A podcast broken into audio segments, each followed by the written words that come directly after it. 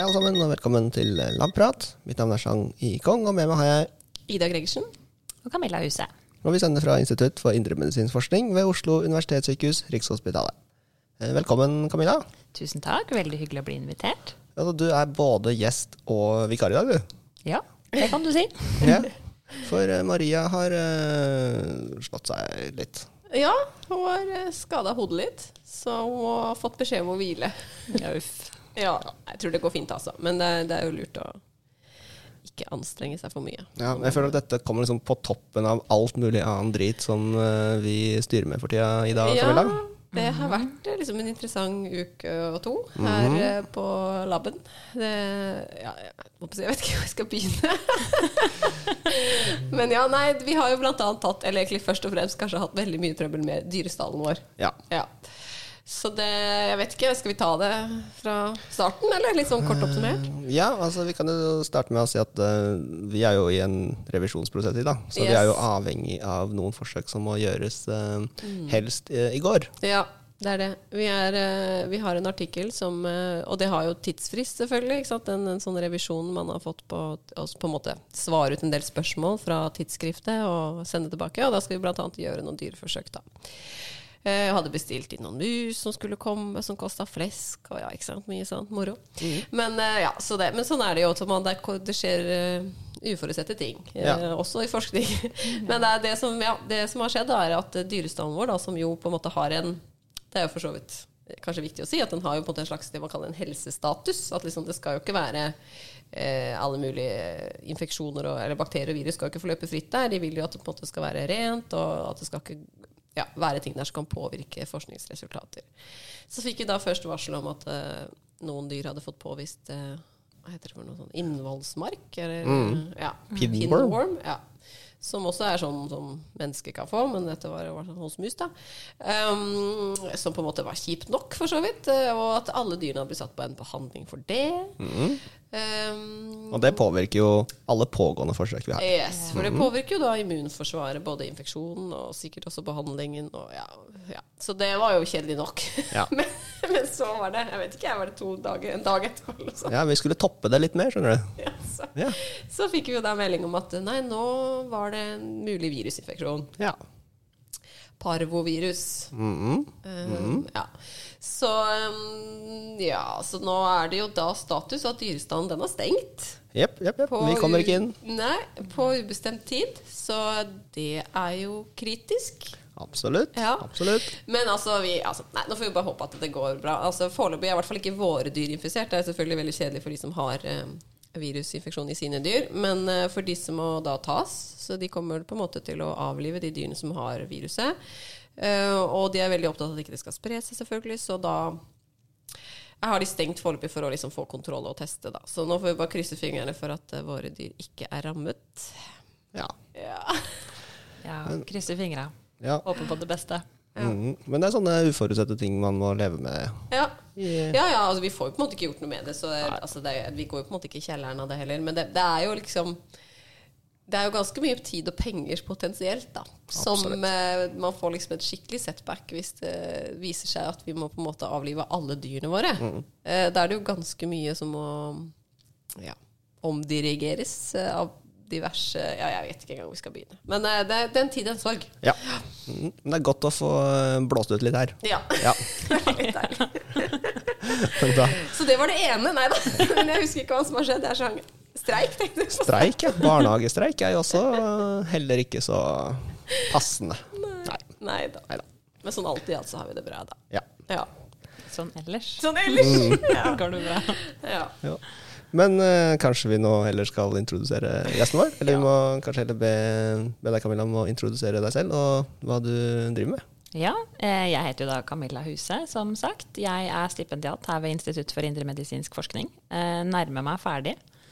Eh, Så det er veldig spennende. Så jeg har jobbet mye med immunforsvaret og eh, åreforkalkning og hjerteinfarkt. Mm. Så det er på en måte min nisje, da. Mm. Så du er jo i samme forskningsgruppe som oss, da. Det er jeg. Så det er eh, våre favorittemaer. Ja. det er jo nerdig fellesskap. Ja, ja. Det er bra. Men etter planen så slipper vi jo denne episoden her den 17. november. Og det er jo ikke lenge før din disputas. Nei. 29. november skal jeg i ilden. Ja. det er like etterpå. Mm. Og bare for å minne våre lyttere om det, så er disputas en offentlig seanse som hvem som helst kan komme og se på. Ja, det stemmer. Den er offentlig, og det er på en måte en muntlig eksamen, kan man si, da, bare i større omfang. Da jeg skal presentere det jeg har gjort de siste tre åra, og stå til rette for det de måtte lure på. Så blodfans av labprat kan, eh, kan De komme. må gjerne komme. Ja, det er bra. Nei, for det er jo da, som du sier, en slags eksamen, på en måte, da. Ja. Men ehm, jeg vet ikke, skal vi ta liksom hele løpet, eller litt sånn Ja, Det er kanskje ikke alle som vet uh, hvordan den dagen er. Nei? Nei, Vet, altså- vet du det, Camilla? Eller er du forberedt på hva som skal skje? Nei, både og, på en måte. Jeg har jo nå vært stipendiat i litt over tre år, og to av de årene har det jo vært en pandemi. eh, så det har jo vært eh, mange digitale disputaser som jeg har sett. Eh, men nå skal jeg jo på min første fysiske disputas, da, og det blir jo da min egen. Ja. Så det er jo noe nytt på én måte, selv om formatet er jo ganske likt. Men Ja. Ja, altså sånn Det er mye hyggeligere å ha det fysisk. Altså, det er veldig deilig å slippe at det, Altså, ja. Det digitale, altså. Egentlig, syns jeg. For det, det, det som er så fint eh, Disputasen skal, er jo en, det er jo en festdag også, da. Det markerer jo på en måte mm, ja, slutten på en eh, lang eh, periode, og liksom at du har liksom oppnådd den høyeste graden i akademia. Og liksom, det er jo på en måte en staselig feiring også, på en måte. Og da er det jo fint å kunne møtes liksom face to face, altså. ja. Så jeg tror, eh, tror det blir veldig bra, ja. Ja, jeg håper det. Det må ha vært litt antiklimaks å bare lukke skjermen på Ja, de digitale en meeting, liksom. Det er jo litt sånn stusslig, på en måte. Selv om sikkert mange kanskje også har syntes det har vært litt deilig å ha den der eh, fysiske avstanden til opponentene sine. Jeg vet ikke, men eh, ja. Det blir nok veldig bra. Det gjør det nok. Mm. Det blir spennende i hvert fall. Men nå er jo lagt opp som at du skal ha en eh, prøveforelesning først.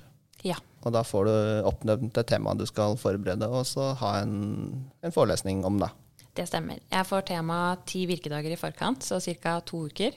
Eh, og sånn som jeg har forstått det, så skal det da være et tema som eh, er innenfor fagfeltet, men ikke det jeg jobber med. Eh, og så skal jeg forberede en 45 minutter presentasjon på det på universitetsnivå, da. Mm. Så ja, det blir spennende. Ja. Ja, og det er jo på en måte eh, Det er jo en slags sånn test for eh, hva skal jeg si, doktoranden, som det heter, pedagogiske evner. Eh, At man skal vise at man kan tilegne seg ny kunnskap, og liksom ja, rett og slett lage en undervisning, da. Det er jo på en måte det den prøveforelesningen er, mm. er på en måte til, eller tiltenkt å, å svare ut. Og det er liksom Fordi når man har en doktorgrad, så skal man jo kunne undervise på universitetet. Så det er jo en relativt kort utdannelse. akkurat Det, det, er liksom det, det er på en måte egentlig det mest formelle. Det er ikke veldig mye annet som, er liksom, som man får da, av pedagogisk utdannelse. Nei, det er overraskende lite det er ganske pedagogikk. lite, så det burde, jeg syns jo egentlig det burde vært mer. Men eh, det er i hvert fall ildprøven. Så er det liksom, ja. Mm. Men det blir bra. Ja, Det er gøy å, å forberede prøver. Jeg likte det veldig godt. Ja. Ja, du gjorde det? Det er veldig mange forskjellige måter å løse det på også. Jeg tror en av de beste forelesningene jeg har vært på, var en, rett og slett en tavleundervisning. En som oh, ja. holdt på med medisinsk-biologisk forskning. Som tok fram kritt og tavle. Ja. Og bare rabla ned alle. gammeldags, liksom. Ja, men det var kanskje en av de beste prøveforlesningene jeg har vært på. Ja, så kult. Ja. Jeg, jeg sier ikke at du trenger å bruke kritt og tavle. Nei takk. Nei. Nei da. Men eh, ja, nei, jeg, jeg likte det egentlig veldig godt, for du får på en måte Som du sier, så er det jo ofte et tema som er liksom i, i nærheten av det man har forska på. Eller sånn. Så det er jo ting man på en måte syns er interessant. Og så kan man jo, for man står jo ganske fritt til å på en måte velge vinkling innenfor den tittelen man får. Så da kan man jo på en måte vinkle det til de tingene man er interessert i, i selv, liksom. Ja, det er sant. Eh, eller ta med de tingene også, fordi Så lenge man på en måte definerer det, som de er veldig opptatt av, sånn man skal liksom si sånn 'Jeg har definert det som', og derfor så løser jeg det på den måten, så er det liksom innafor. Da kan du på en måte dykke ned i noe som du syns er eh, interessant, da, forhåpentligvis. Ja, jeg håper jo det. Ja. Så det blir spennende å se hva temaet blir. ja. Og så må jeg huske det en av gjestene vi har hatt før, Linn Fosshaug. Hun sa jo at eh, disputasen det var en av de beste dagene i hennes liv. ja. Da er det bare å glede seg. Ja. Men Camilla, siden eh, vi har deg her som eh, både gjest og vikar i dag, Ja. så har vi valgt et uh, tema som passer til dagens episode, nemlig stipendiatperioden. ja. Og man tar jo en doktorgrad når man er stipendiat, ikke sant? Ja, det stemmer. Eh, Det høres jo viktig ut at man tar en doktorgrad, sy- syns jeg i hvert fall, da jeg holdt på med det. Mm. Men man er jo egentlig i en slags sånn limbofase, da. Det er liksom nest, litt utdanning, litt jobb. Hva definerer du deg selv som? Nei, altså jeg føler jo at jeg går på jobb fordi jeg har eh, lønn. Ja. Eh, samtidig så har jeg en tendens til å si hjemme at eh, jeg må bare en tur på skolen. Å ja, Eh, sier du det? Sikkert litt sånn fordi man fortsatt har med seg skolesekk og skal på, gjør det mye av det samme som man gjorde på universitetet, da, på en måte, og har fag og den typen ting. Så Mm. jeg tror at inni hodet mitt så er det en litt form for limbo der også, Mm. selv om jeg nok mest føler at jeg er i jobb. Det gjør jeg. Ja. Men sånn helt sånn juridisk, er det egentlig jobb, eller er det utdanning? Ja, det, det, altså, akkurat sånn, det vet jeg ikke, men det er jo jobb, som du sier, fordi man får jo, i hvert fall i Norge, da, så er vi jo heldige å få lønn. Det er jo, skal jo sies at det er veldig forskjellig forskjellige steder Ja. i verden. Men um, Så det vil jeg jo Det er jo på en måte det. Ja, Jobb det- under utdanning. Ja. Ja, det er en jobb under utdanning, for på universitetet så regnes jeg jo som en form for student, men ikke så student at jeg får studentgodene. Nettopp. Men ikke så ansatt at jeg får ansattgodene heller. Nei, gjør du Så- ikke det? Er man ikke registrert som ansatt? Nei, jeg er student Nei, på en måte. Ja. Ja, siden jeg er ansatt på Det er rett og sykehuset. slett en egen En egen rase. En En egen kategori, ja. det der. Ok. Ja, og så er det veldig mange begrep da, som definerer egentlig samme, Mm. samme gruppe. Altså Det er både stipendiat, en ph.d.-student og en doktorand. Doktorgradsstudent, sier man noe, kanskje. Ja. ja, og det er jo egentlig det samme. Så det er, så, det er litt lett å bli forvirra der, kanskje. Og så er det kanskje passende nå å si at eh, det vi skal snakke om nå, jo, handler jo om medisinsk og Mm. biologisk forskning. Altså stipendiater innenfor vårt fagfelt. Da. Det er Mm. sikkert litt annerledes i andre, andre fag, kan jeg se for meg. Ja, det varierer nok litt både i, i form og, og liksom oppbygning. Mm. Ja. Men vi kan jo starte med begynnelsen av en doktorgrad. Da. Hvordan eh, får man begynne med en doktorgrad, egentlig? Nei, jeg søkte jo på eh, en stilling som var lyst ut på Jeg husker ikke om det var Finn eller om det var Webcruiter eller disse vanlige stillingsutlysningssidene. De lyses jo ut der. Um, Som så- en jobbannonse. Som en vanlig jobb, ja. Eller vanlig jobb. ja, som en jobb, ja.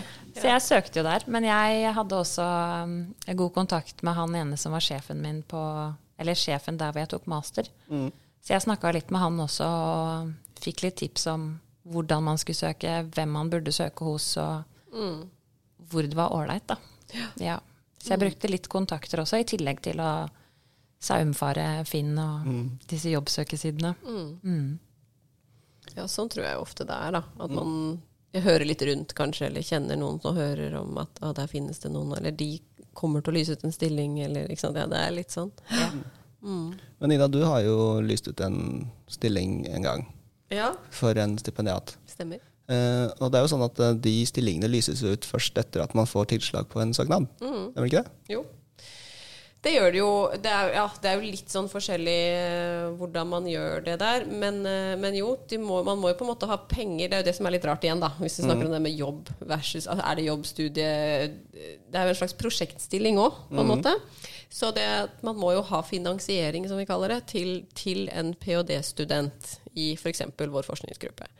Så eh, i var det 2019 eller sånn, så fikk jeg penger fra Helse Sør-Øst til eh, en stipendiat til mitt prosjekt, da, eh, i gåseøyne. Eh, og da eh, måtte jeg jo da, etter det, hadde fått de pengene, da, ja, lyse ut en stilling, og så ansette en. Eh, og det kunne jeg jo på en måte ikke gjort, nei, før jeg hadde fått de pengene. Et, etter jeg da hadde skrevet en søknad, ikke sant, som vi har snakka om før. Nei, så det er jo litt sånn annerledes system, um, på en måte, for man har jo ikke nødvendigvis man har jo ikke faste stipendiatstillinger, for det er på en måte ikke noe som heter. For det er en treårig eller fireårig periode. Og eh, man har på en måte ikke penger eller midler til det liksom gående, da, stort sett. Man må liksom få de fra et sted. Ja, det blir jo litt som en prosjektstilling, på en ja, måte. Ja, det er jo det. Men når man først blir ansatt som en eh, stipendiat, da, Ja. eh, er det noe formelle krav man må Altså er det noen ting man må igjennom i den perioden man er ansatt? Eh, ja, i hvert fall her, da. Det kan jo tenkes at det er litt ulikt mellom institusjonene også. Men eh, her må du ved UiO så er du nødt til å ta 30 studiepoeng. Eh, og ti av de er obligatoriske kurs, som er sånn introduksjonskurs til eh, ph.d. Eh, PhD-en, egentlig. Hvordan være forsker? Hvordan være forsker, ja. Litt Dekker sånn- litt sånn alt mulig rart, egentlig. Ja, hvordan skrive artikler, hvordan nå ut til uh, de Etikk, utenfor. kanskje? Eller? Ja, Ja. forskningslære, mye sånt. Mm. Uh, og de andre kursene, da kan du velge det som egentlig passer for uh, din egen grad, og det du bruker i hverdagen. Men utover det så er det ikke noe særlig formelt.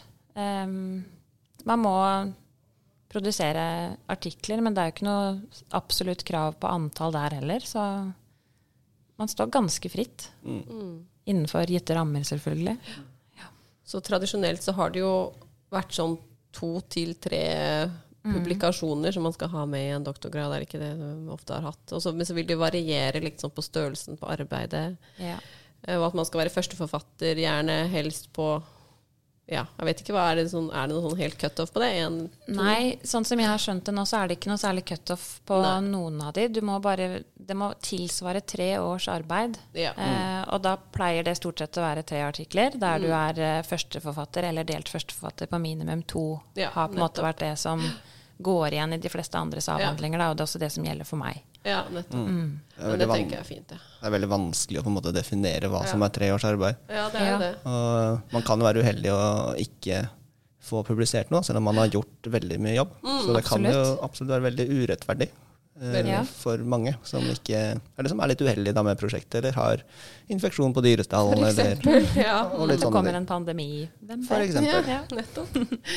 Ja, så det er, ja, mm, det er jo liksom en del av det at det ehm, f- Man må prøve å planlegge et ph.d.-prosjekt som på en måte er gjennomførbart, men så kan man jo ikke forutse alle disse tingene, da, så man må ofte på en måte flikke litt på planen. Det har kanskje skjedd deg òg. Jeg vet ikke om eh, Har prosjektet blitt akkurat sånn du søkte om, eller den stillingen du søkte på? Nei, det har det ikke.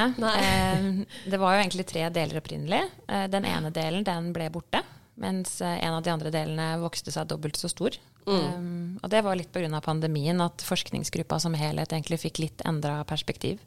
Så det ble, når det ble fokusendring, så måtte vi finne en alternativ løsning. Ja. Det tror jeg gjelder de fleste. Ja. Ja. Det skjer en del endringer der. For det, det, man kan jo ikke planlegge forskningen i seg selv heller, ikke sant? hva man finner. Og, Nei, absolutt ikke. Og man må jo bare gå litt videre der man finner eh, spennende og interessante funn. Mm. ja. Nå kan vi kanskje inn på noe av de problemene man kan støte på da, som en stipendiat. Mm. F.eks. For eksempel hvis man ikke får til det man skal gjøre, eller hvis det kommer en pandemi og man ikke får gjort det man skal. Mm. Hvem er det som tar konsekvensen, eller hva er det som, hvordan løser man den floken? Nei, altså i Førstelinje føler jeg jo er å ha et godt samarbeid med veiledere. Eh, og hvis man er heldig og samarbeider godt med de, så tror jeg man kan løse mye bare ved å snakke sammen og legge en god plan i fellesskap. Eh, men hvis man ikke er så heldig, for det er jo ikke gitt at eh, kjemien er god mellom stipendiat og veileder, det er jo mange som er, er i dårlige forhold der. Eh, Så kan man også få hjelp av universitetet. Det finnes sånn midtveisevaluering som du skal gjennom halvveis, sånn at universitetet har en viss kontroll på om du som stipendiat eh, er der du skal være da, for å rekke å bli ferdig. Og der går det an å si fra om at eh, du, nå har vi problemer her og trenger hjelp fra andre. Mm. Så det skal være noe sikkerhetsnett som fanger opp rundt.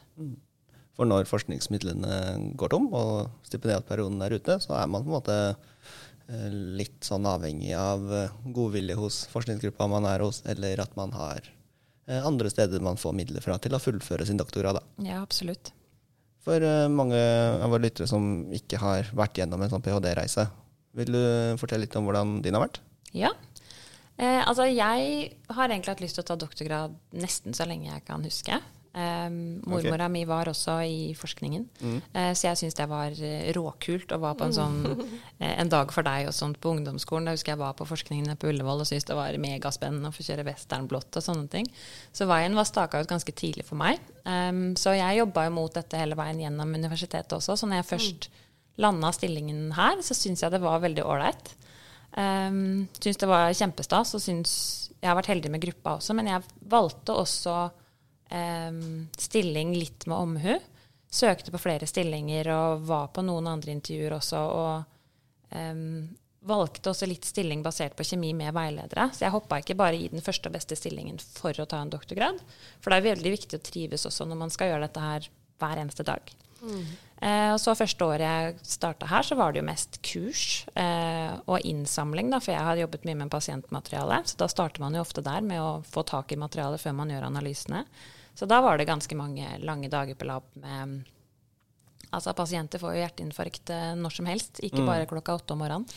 Så da må man være litt sånn når, det, når de kommer, og ikke når det passer meg. Men eh, trivdes egentlig med det. Og så en, eh, vendte det seg på en måte mer og mer mot analyse av de dataene man samla inn på sikt. Da. Så etter hvert så var det mer dataarbeid. Før siste året så var det jo mye skriving, både av artikler og til slutt da hele avhandlingen. Det er jo fryktelig mye jobb. Um, og så litt grann konferanser helt på tampen. Det var jo ikke det under pandemien. Nei. Men uh, det jeg fikk være med på på slutten, var jo veldig morsomt. Det er jo gøy å få komme ut sånn og møte andre i, både i samme situasjon og andre i fagfeltet som er både eldre og yngre og i andre stillinger, og snakke litt på kryss og tvers. Mm. Altså, jeg har egentlig stortrivdes som stipendiat. Det er jo selvfølgelig tøft innimellom og stort arbeidspress, og man ønsker å gjøre ting bra og alle de tingene, men eh, summa summarum, jeg ville valgt å gjøre det samme igjen. Og man får ikke overtidsbetalt. Man får ikke overtidsbetalt. Ikke noe uketil, nei, helgetillegg.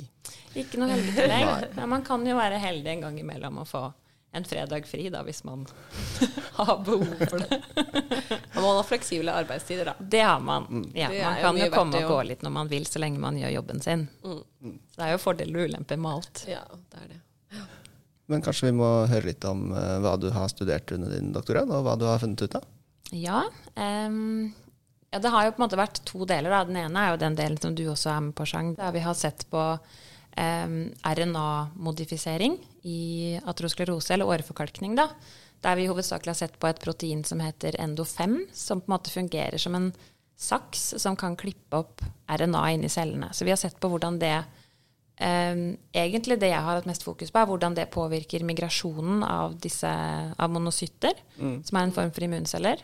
Hvordan de flytter på seg, liksom, inni Ja. kroppen.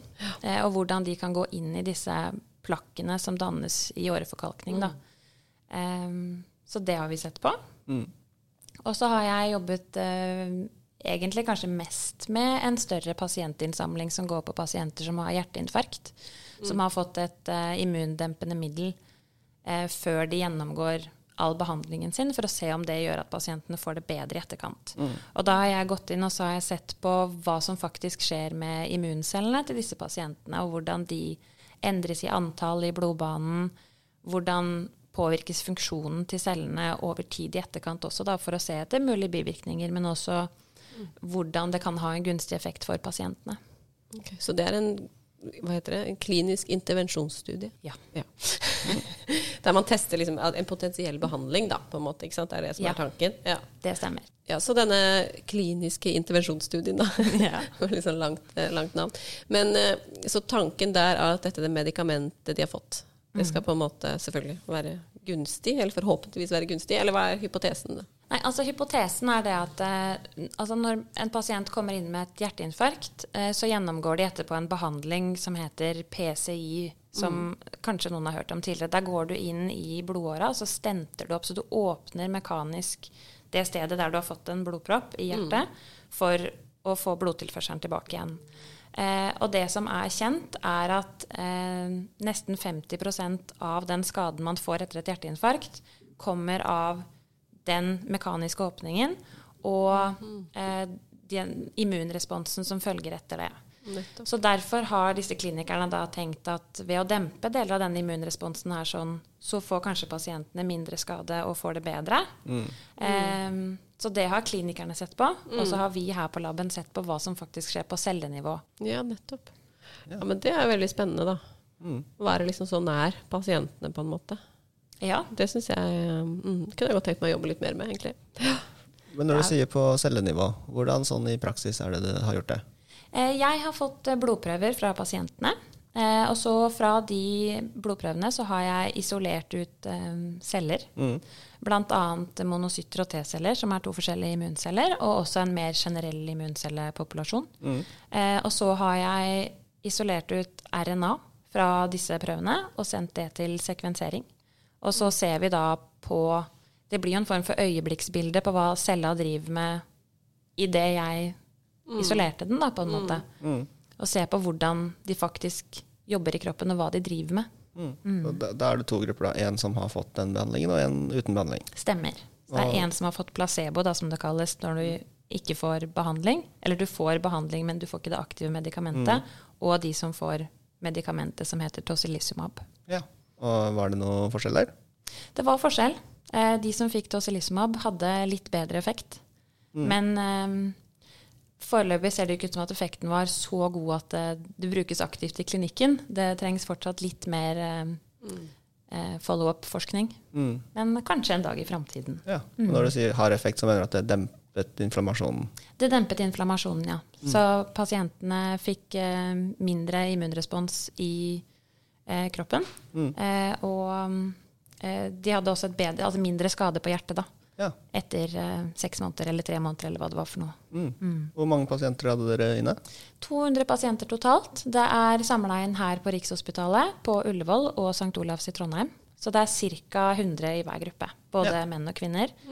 Eh, selvfølgelig flere menn enn kvinner. Eh, For som i hvert fall vi vet, så er det jo flere menn enn kvinner som får hjerteinfarkt. Så da samlet inn alle som har fått hjerteinfarkt innenfor en periode, da. Ja, nei, ikke alle. Eh, For siden vi her ønsket bare å se på eh, Eller siden klinikerne Jeg var ikke med på den kliniske studien. Siden de ønsket å se på effekten av medikamentet, så var det ganske strenge kriterier for hvem som fikk lov til å være med. Så hvis du hadde andre sykdommer i tillegg, så kunne du ikke være med, for da var det ikke gitt at det var medikamentet som ga forskjellen. Det kunne vel så gjerne være at du hadde en bakenforliggende sykdom, da. Nettopp.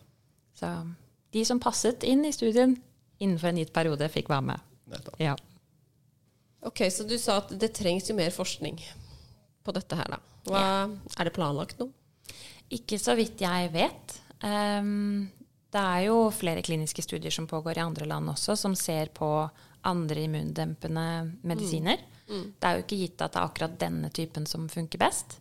Um, men jeg tror også kanskje at det er behov for å se på mer persontilpassa medisin, som har blitt veldig i vinden å snakke om nå de siste åra. Ja.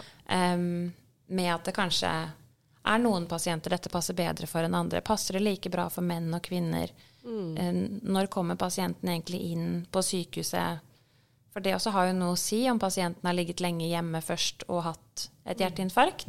Eh, For da pågår jo en eh, immunrespons hele veien. Så har de vært hjemme i seks timer, så vil jo forløpet kanskje se annerledes ut enn en pasient som kommer inn etter en halvtime. Og da kan man jo også kanskje gå inn og se på disse mekanismene dere har sett på. Da, at? Her er det noen som responderer på cellenivå, liksom, og at man kan trekke da tilbake til Er det noe som er spesielt med disse pasientene som responderer, f.eks.?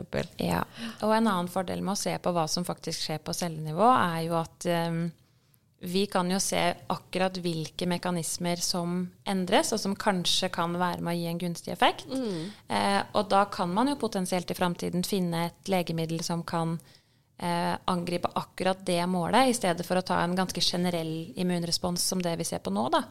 For ved å ta og dempe immunforsvaret som en helhet, så øker jo også sjansen for at man skal få infeksjoner eh, på sykehuset og i etterkant. Så jo mer innsnevra den, det målet man har er, jo bedre er det jo kanskje for pasientens trygghet og helse, da. Nettopp. Veldig spennende, da. Ja. Vet du forresten om det er eh, forskjellige typer stent som settes inn? Eh, nei, det er jeg ikke sikker på. Jeg tror de fleste som settes inn i Norge er eh, ganske standardiserte. Og de fleste har også sånn um, legemidler på seg for å hindre at det tettes Tettes igjen igjen. på nytt og skaper en respons. Nettopp. Mm. Men det er jeg ikke helt sikker på. Og veien videre for deg da, Camilla? Hva skal du gjøre etter din doktorgrad? For, for vi regner jo med at du består den. ja, jeg håper jo det. Da krysser fingre for det. Nei, du, jeg er ikke ferdig med forskning ennå, føler jeg. Så jeg skal fortsette med en postdoc. Og har vært så heldig å få lov til å fortsette i samme gruppe også. Så eh, trives jo veldig godt her. Og morsomt å få lov til å fortsette videre med et forskningsfelt man trives med også, da. Tre år går jo så fort. Ja, veldig Så fort. det er mange prosjekter som fortsatt henger, som jeg har lyst til å få svar på. Mm. Men bytter du prosjekt eh, på din postdoc, eller skal du fortsette på det du holder på med? Eh, Jeg skal nok bytte prosjekt, men eh, fortsatt ha litt tak i noen av disse gamle prosjektene også, sånn at de blir fullført, i hvert fall. Men eh, det blir noe nytt også. Mm. Mest nytt, kanskje. Og flaks for oss, da, at du fortsetter. Ja, Vi er veldig glad for å Ja, det ha deg her. hyggelig det, da. Har du forresten bestemt deg for hvor du skal ha disputasfesten? Ja, Ja. Det har jeg. Har du hørt rykter om at det er en her på instituttet som eh, bestilte en, et lokale der hun skulle ha fest, og dagen før eller så brant det lokalet ned? Ja, jeg har Ja. hørt ryktene. Jeg håper jo at det ikke skjer med meg.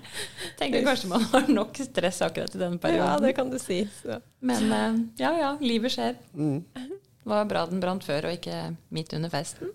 Ja, altså, jo jo. Hell, hell i uhell. Ja, men festen er, det er veldig viktig. Det er viktig å ha en ordentlig feiring. For det her er jo en stor, stor markering, på en måte. En Stor hva heter det, milepæl i livet. Ja. Ja. Jeg følte dere at dere fikk mye ut av deres egne fester, eller var dere på en måte for slitne når dere kom, kom hjem etter en disputasdag? Nei, vil du begynne i dag? Ja, nei, ja, nei, jeg hadde det veldig fint. Jeg koste meg masse. Ja. Men altså, kanskje under middagen var jeg nok litt sånn kokt i hodet. Ja. eh, husker jeg. At jeg var liksom litt sånn ør. Men eh, jeg hadde en veldig morsom kveld og, og sånn. Jeg hadde det, altså. Så det var ikke sånn at jeg følte at liksom, jeg må bare legge meg. Det, for man er jo liksom, man har jo, går jo på sånn adrenalin. Ja. Um, og så ble jeg i tillegg fridd til etter min disputas. da, det var liksom sånn total overload på den dagen der.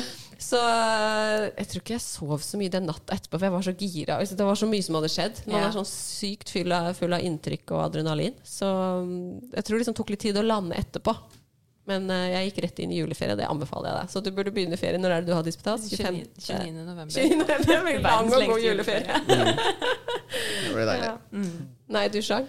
Jeg hadde rett før sommerferien, jeg, da. Ja, så det er litt samme, samme der. Ja. Nei, men jeg hadde en veldig fin fest. Eh, vi, eh, jeg tok jo min doktorgrad på Institutt for biovitenskap på Blindern. Ja.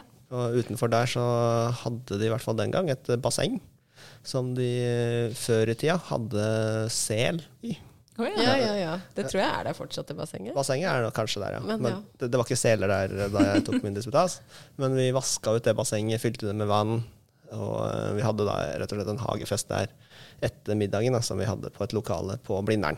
Ja, så morsomt. Så det var veldig trivelig. Mm. Og jeg var hjemme klokka sju på morgenen dagen etter. Å, Ja. det er bra fest. Det var veldig Du sov ikke så mye den natta, du heller? Nei, svært lite. Så det var en veldig morsom fest. Ja. Så gøy. ja, da er det bare å glede seg. Bare å glede seg, ja. Men sånn selve dagen, da? Har du, er du klar for eh, utspørring? Nei, altså klar og klar. Jeg må jo innrømme at jeg gruer meg jo egentlig. Jeg vet jo aldri hva de skal spørre om. Nei. Men ehm, altså man har jo jobba med det i tre år, så jeg har jo en viss peiling på fagfeltet. Og særlig etter å ha skrevet sammen avhandlingen, så begynner man jo å ha opparbeida seg en viss kompetanse. Så hvis de spør innenfor det, så skal ting gå greit. Ja. Og så er det jo eh, viktig å tenke på at altså, avhandlingen din er jo godkjent. Ja. Så på en måte så, du, har jo, du har jo stått. Det er jo ikke sånn, Jeg har aldri hørt om noen som ikke har eh, stått på disputasen. på en måte. Så ja, det er en del formelle ting man skal svare ut, og sånn, men det er jo først og fremst et slags show. Eller er jo det. en oppvisning, Ja. eller hva man skal kalle det. Og opponentene som kommer, de er jo interessert. Så de spør jo også ofte liksom, ut av interesse. ikke sant? Så det er jo bare en sånn ja, mulighet for en faglig diskusjon, da. Ja. ja, og så snakka jeg så vidt med veilederen min om at uh, jeg syns egentlig det her er litt skummelt. Eh, og hun sa noe som jeg egentlig syntes var veldig fint. Hun sa det, nå må du huske på det at når du går inn i det rommet, så alle i publikum vil deg vel. Det er et helt rom fylt med kjærlighet, så det her kommer til å gå helt fint. Det er jo ikke noe å grue seg til. Nei. Og hvis det kommer vanskelige spørsmål, det er jo ingen i publikum som kommer til å tenke at du er dum som ikke kan det. De Nei, tenker nei. enten at oi, stakkars, stressa, eller fy for et spørsmål. Ja, Ja. absolutt. Det Det er var veldig godt gjort. poeng, for det er uh, helt sant. Alle er jo på ditt lag. Skulle vi sagt noe om hva som skjer fra man leverer inn avhandlingen, til uh, den blir godkjent og til en disputas? Ja. Ja. Når du skriver sammen liksom eh, hva du ja, har hva er avhandlingen, for Ja, det hva- første? ja. Kanskje det også er litt sånn Ja, du som akkurat er ferdig med det, Camilla. Kan Ja, du kanskje Vi har glemt det. Det er så lenge siden. Ingen peiling på det. det Nei, hva en avhandling er? Nei, det er jo altså For det første så er det jo de artiklene som du har produsert da, som skal være med i avhandlingen din, de er en del av det. Og så har man det som vi kaller Kappen, som er en sammenskriving av på en måte en introduksjon til fagfeltet. Der du har en intro som tar for seg hva som eh, er gjort tidligere, hva som er kjent, for å få leseren inn i det, på en måte. Og så er det en eh, litt større sånn metodediskusjon, der du beskriver metodene mer nøyaktig enn det som er gjort i artiklene. Og så til slutt en diskusjon av funnene sett i både i perspektiv av hva som er funnet tidligere, men også litt egne spekulasjoner på hva dette kan bety, og hva som skal gjøres videre. Før man både har en konklusjon og sånn future perspectives, der man kan spekulere litt i hva dette kan bety i framtiden, og hva som kan gjøres videre, og være litt sånn stor, da. Ja. Ja. Så det er på en måte avhandlingen. Og den uh, blir jo da vurdert av en komité. Det gjør den. Mm. Og, hvem, uh, og hvor mange er det i en komité? Eh, Det er tre stykker. Det er en første opponent, en annen opponent og en tredje opponent. Der tredje opponenten også er ansvarlig for komiteen. Um, så det er jo førsteopponenten og andreopponenten som kommer til å stille mest spørsmål på disputasdagen, men alle tre skal lese avhandlingen og i fellesskap bli enige om at den er god nok til å forsvares, eller om man må gjøre mer jobb, da. Ja. Og da får man jo en innstilling, da, som det heter, Ja. når de har lest avhandlingen, som er en vurdering på en måte av arbeidet. da. Men hva slags mennesker er disse tre opponentene? De tre opponentene det er folk som jobber i fagfeltet, men de kan ikke jobbe for tett med verken meg som stipendiat eller mine veiledere. Så min første opponent han jobber i Sverige Um, og er eh, kardiolog, så han er hjertelege og har jobbet mye med hjerteforskning også, så det er jo på en måte der våre fagfelt krysses. Eh, og min andre opponent han jobber i Er det Nederland han er, er det ikke det? Ja, ja. Ja.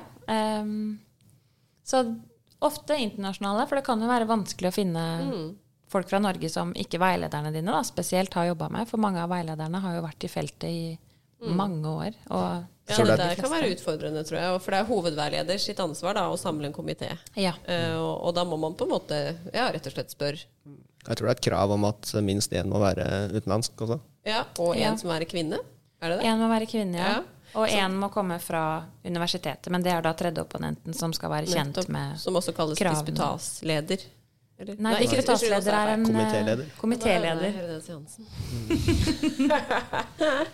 Ja. ja, okay. Så tredjeopponenten pleier sjelden å stille spørsmål. Da. Ja.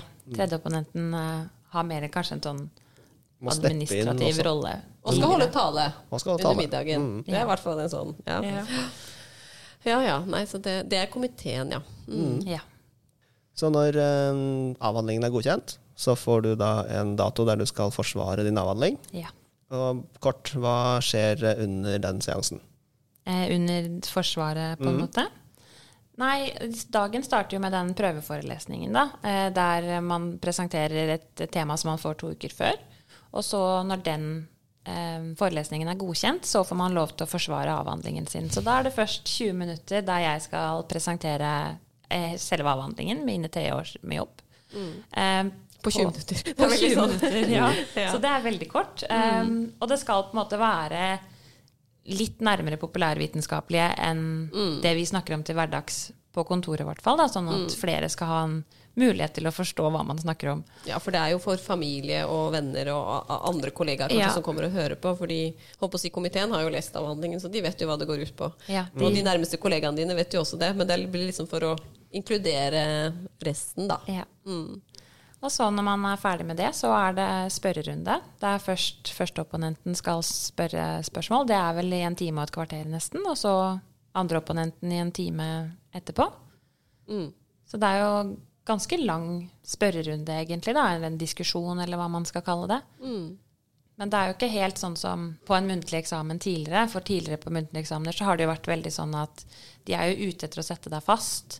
På masterforsvaret f.eks., eller muntlige eksamener på videregående, så lurte de jo på hvor flink du faktisk var. Nå er det jo mer at man har en faglig diskusjon der de er interessert i din jobb, og hva som faktisk er kjent, og ikke for å finne ut om jeg er smart eller dum.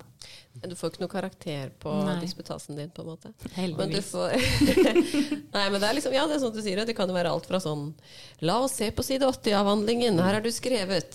Hvorfor Ja. har du skrevet altså, det, det kan være veldig sånne rare detaljer de vil liksom lure på eller prøve å utfordre deg på. Men også, ja, som du sier, ofte at de bare er interessert og nødvendigvis ikke vet svaret selv. Men Mm. Ja. de vil høre din mening, for nå er jo du ekspert, ikke sant.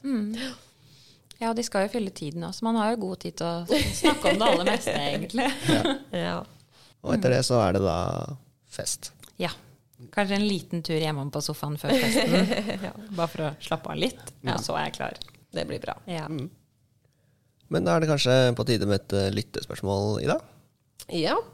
Eh, I dag har vi et spørsmål fra Vibeke, som lurer på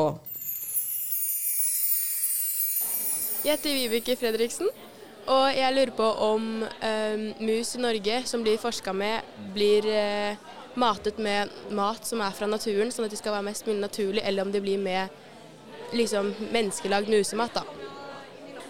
Men tror du at eh, maten påvirker hvordan musene, liksom hva resultatene blir? Eh, ja. Eh, For å ta det første først, da. Så får du ikke mat fra naturen. De får en uh, helt sånn standardisert eh, dyrefôr, sånn at man kan sammenligne da resultatet man får uh, mellom forsøkene sine, og kanskje til og med mellom ulike laboratorier og forskningsinstitusjoner. For da vet man jo innholdet i det de spiser. Måte. Ja. Hvis de hadde fått noe fra naturen, så kunne jo det variert Ja. ganske mye. Mm. Ja, Ikke minst med tanke på parasitter og nettopp. bakterier og litt andre ting. Apropos infeksjon på dyrestallen, Mm. ja. Ja. Så vil man ikke ha noe sånt inn der. Men sammensetningen av maten er tilpasset en gnager, da. Sånn at de får liksom alle næringsstoffer de skal ha. Men uh, det er nok ikke nøtter og, og frø og sånne ting. Nei. Det ser ut som sånne pellets, liksom sånn som man ja, Ja. sånn Fôr, liksom. Altså sånn som de gir til tørrfôr til dyr, rett og slett. Ja.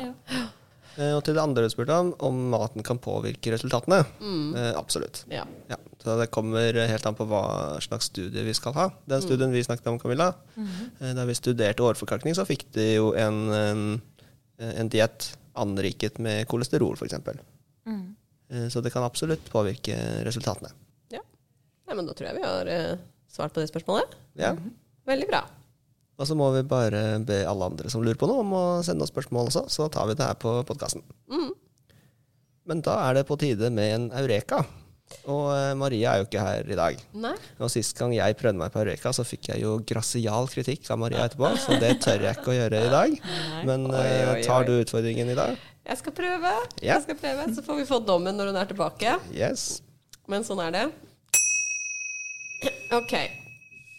Temaet for i dag, da, eller Eurekans tema, er, er jo da tilpasset eh, dagens tema. Altså dagens pod-tema. Stipendiatperiode. Eh, og dette er da en studie eh, fra Nature, som jo er et veldig anerkjent tidsskrift. Og de, det visste jeg ikke, da, men de utfører visst sånne jevnlige ph.d.-undersøkelser okay. rundt om i verden. Så dette er den femte av sitt slag, i hvert fall. Og der de har gitt et spørreskjema til eh, ph.d.-studenter rundt om i verden eh, om ph.d.-livet, rett og slett. Og hvordan eh, ja, hvordan det, alt, alt mulig egentlig innenfor eh, særlig sosiale ting, og liksom hvordan det oppfattes og hvordan de trives og sånn. Eh, og det er da 6300 okay. studenter som har svart her, så det er jo ganske høyt antall. Så tenkte jeg kunne trekke frem noen av de, eh, noen av de svarene de hadde fått. da. Mm. Så kan Camilla komme med fasit om det svaret stemmer Ja, eller ikke. Ja, jeg er. De spurte jo da for, um, alle disse f.eks.: Hvor fornøyd er du med at du valgte å ta en ph.d.? Ja. ja. Ehm, og der er det altså 38% som har svart veldig fornøyd. Eh, og 37 som har vært ja, somewhat satisfied. Jeg vet ikke om vi skal kalle det ja, sånn passe fornøyd, liksom. Ja. Så det er jo faktisk et ganske ja, over 70 da, som, er, eh, som er fornøyd med valget. Så det syns jeg jo var, det var bra. Det var godt å høre. Eh, og så spør de da, altså siden du startet, da, har dette nivået av eh, Eller har du blitt mer eller mindre fornøyd siden du startet, liksom, av, på valget ditt? Eh, og da er det 40% 42% som sier at ja, da er jeg blitt mer fornøyd, faktisk. Blitt Eller mer fornøyd, ja. Mm. Mens eh, like mange, da, eller 45 de, har, eh, de angrer litt. på en Ok. måte. Ja. Ja. Begynner å bli Så slitne litt sånn både òg her, da. Så da det konkluderer du med at eh, majoriteten sier at de fortsatt er glad for at de var, er ph.d.-er, men at eh, eh, noen av de eh, ja, har endra litt mening over tiden, da. Yeah. Ja. Så, for det, det skal jo ikke stikkes under en stol at det kan være ganske hardt å ta en ph.d. Eh, Så det, det er jo på en måte veldig sånn tosidig her, Ja, vil jeg tro. Og det ser man jo også fra den undersøkelsen, da. Og så vil jeg jo tro at veldig mange av disse eh, dette er jo på en måte fra hele verden, så det er jo veldig stor variasjon i både miljøene og om du får lønn eller ikke, og alle disse tingene der, da. Jeg tror det er viktig å være motivert før man begynner. Og på en måte kjenne litt inni seg at dette er noe man har lyst til. For ellers så blir det nok fryktelig tøft. Ja, For for det, det er jo jo- ikke en A4-jobb. Det er jo ikke det, og det går jo opp og ned underveis i løpet også, egentlig. Om forskningen går bra eller om den går dårlig. Man stanger hodet i veggen mange dager, selvfølgelig. Og da må man kanskje vite litt at man har en sånn indre driv.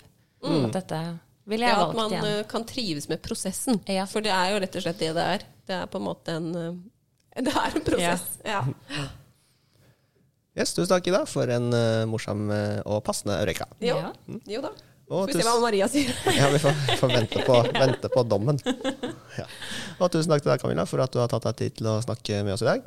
Tusen takk for at jeg fikk komme. Og masse lykke til på eh, disputasen Jo, tusen takk. og de ukene som er igjen fram til det. Ja, det blir spennende. Men før vi går, må vi kanskje minne våre lyttere om at de må følge oss, i dag. Ja. Følg oss gjerne på Facebook og Twitter og Instagram. Og så blir vi veldig glad hvis dere gir oss en rating, sånn at enda flere kan finne podkasten vår. Mm. Oi, nå glemte jeg. Også på forskning.no er vi nå. Ja, ikke minst. Det er jo veldig viktig å få med. Men da skal vi vel på Lammen, alle sammen. Ja. Så da ses vi der. Ok, ha det. Ha det.